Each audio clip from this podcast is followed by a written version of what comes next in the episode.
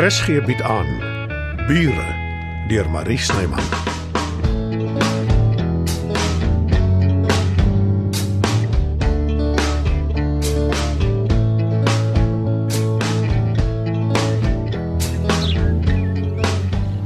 Môre Johannes, trek toe die gordyne.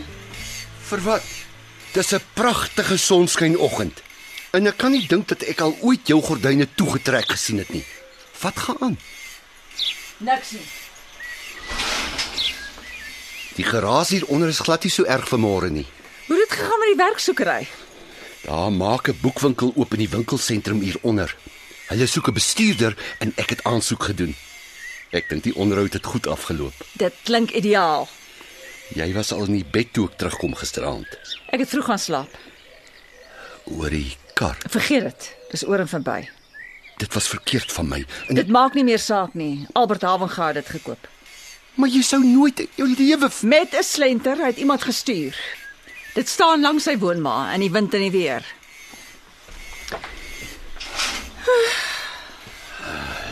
Lyk my hy's besig om 'n aftak op te sit. Wat gaan jy doen? Niks nie. Klink vir my glad nie na jou nie. Ek neem aan dis hoekom die gordyne toe is. Ek is moeg om te beklei met almal. Maar dis jou manier, sis. Jy bedoel dit nie. Ek het lank wakker gelê en oor alles nagedink. Ek gaan te kere oor die duwe, oor die erf wat verkoop is, oor die kar.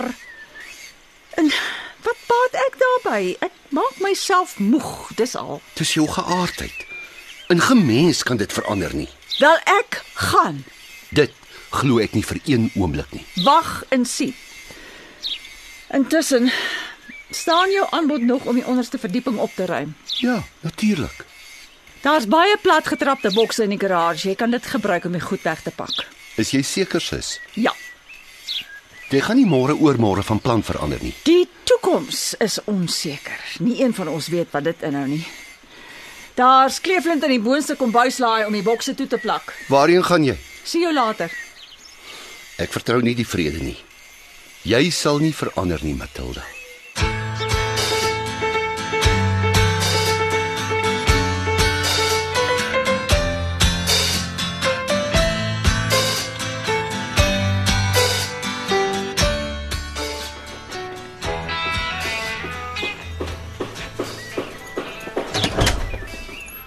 Môre Matilda. Dis 'n verrassing. Iets waarmee ek kan help? Goeiemôre. Ja, daar is, hoop ek. Kyk, luister. Wat hoor jy van Dita? Dita. Ja, Dita Kuyter, die vrou by wie jy die huis huur. Ek weet wie sy is, Matilda. Wat ek nie weet nie is hoekom jy my kom uitvra oor haar. Sy's Ah, jou vriendin, nie myne nie. Soos jy reg opgemerk het, ek huur net die huis by haar. En aangesien ek vooruitbetaal en onderneem het om enigiets reg te maak wat breek, kommunikeer ons glad nie. As dit alles? Wel, sy is Skoonveld in ek het Stel haar nie al- belang nie, wil nie weet nie. Wat doen jy? Ekskuus. Wat is jou beroep? Wat wil jy maak as jy weet? Is dit wettig? Natuurlik is dit. Waar kom jy daan om my onder kruisverhoor te neem? Ons het 'n buurtwag gehad, maar dit het doodgeloop. Ek is van plan om dit weer op die been te bring. Ek sal dus almal in die omtrek se besonderhede benodig. Ek het reeds 'n alarmstelsel geïnstalleer. Ek stel glad nie belang in jou buurtwag nie. Dis nie jou keuse. Onthou net, alarmstelsels het nie oë nie. Bure wel. Ek sal dit in gedagte hou. Ag, as jy dalk toevallig iets van Dita hoor, sal jy my asseblief laat weet. My kans is skraal, maar ja, ek sal. Dankie. Ek sien die vermaaklikheidsbedryf. So waar. Ja. Ek het 'n program gemaak oor die melde, as jy sou belangstel om te kyk. Dankie vir die waarskuwing.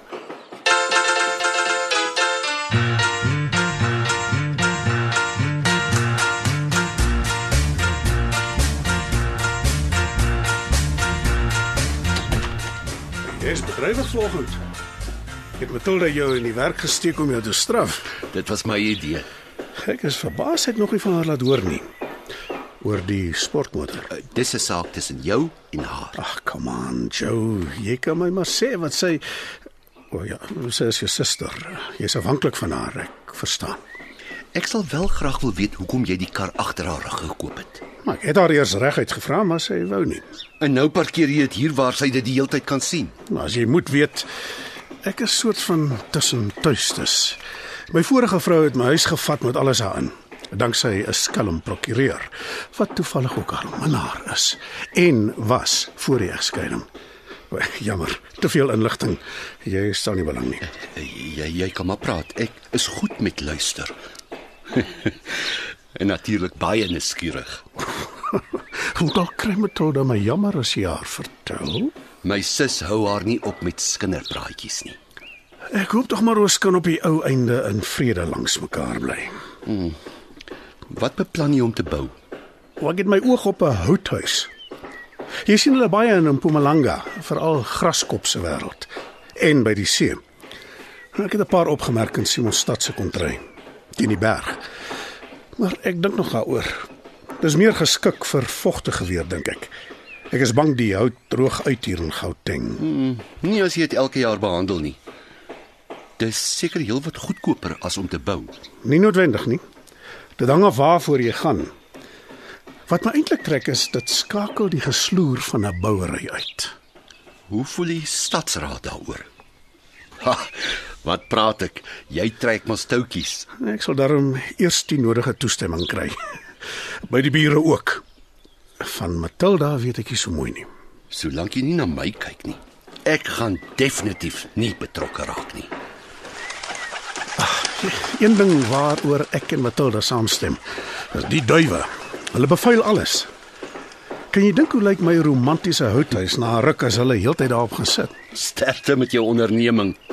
Matilda het gedink jy is van plan om goedkoop studentebehuising op te rig. Sy was nie verkeerd nie. Dit was die aanvanklike plan. Hoekom het jy daarvan afgesien? Verskeie redes. Maar hou dit vir eers tussen ons. Ek het nog geen finale besluit gemaak nie. Ha, jy praat met die verkeerde mens. Ek is berug vir my los tong.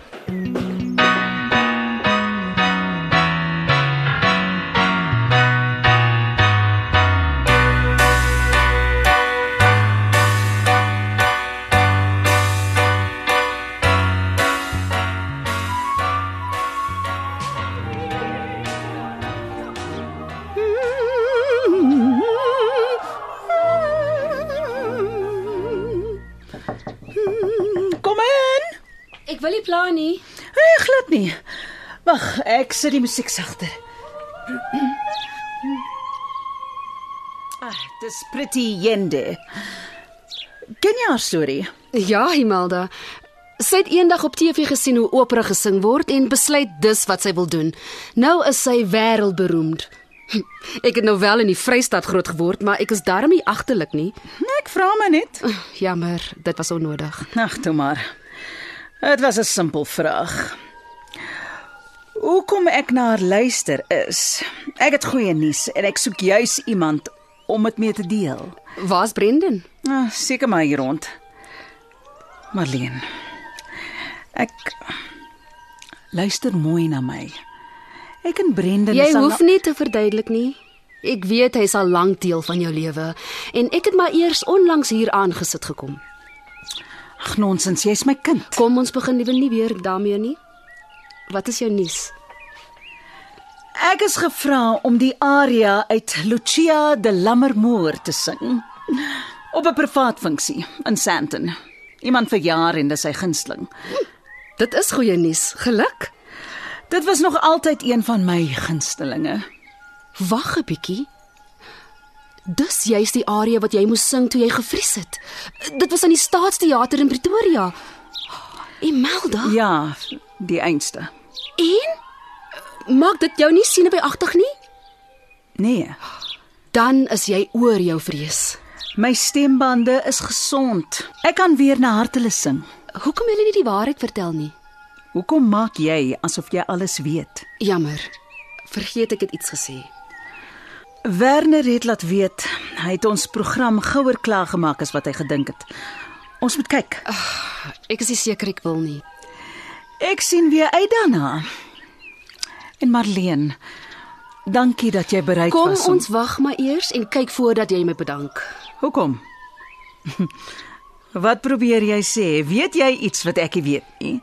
Net dat persoonlike onthullings op TV selde 'n goeie idee is. Jy het my nou laat skrik.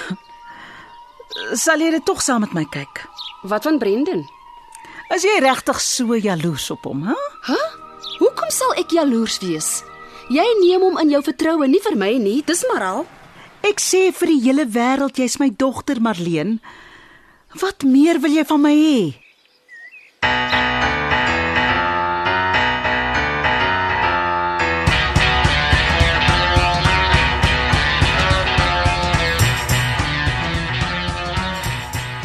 Ek kan die toegheid nie langer verduur nie. Dis beter.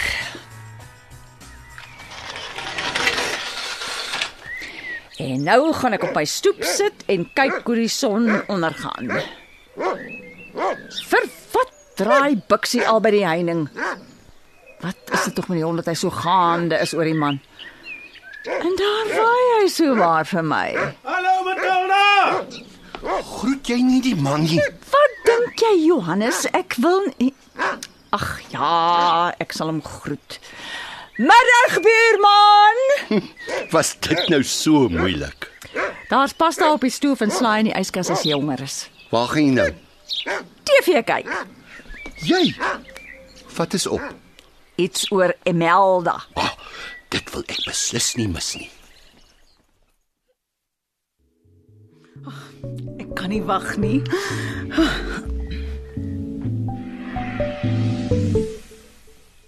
Vanaand maak ons 'n draai by 'n ou bekende, 'n geliefde en tans gewese operasangeres. Maar sy's van plan om weer haar toetrede tot die musiekwêreld te maak. Imelda de Water. Dis vir my heerlik om weer te sing voor mense. Imelda het haar beroep vaarwel toegeroep nadat sy een aand tydens 'n opvoering nie 'n klank kon uitkry nie. Verhoogvrees. Vir die wêreld het sy gesê dis haar stembande. 'n Wit leuen om haar die verleentheid te spaar. Maar dit was nie die enigste geheim in die bekende se lewe nie. Vanaand hoor ons vir die eerste keer van haar dogter, Marleen, en ons ontmoet haar in lewende lywe. Hoe kon hy dit doen? Ek het jou probeer waarsku. Dis jy nie. Jy het dit uitgeblakker. Is dit wat jy van my dink? Ek wou nie eens op die program wees nie. Ek sal jou nooit vergewe hiervoor nie.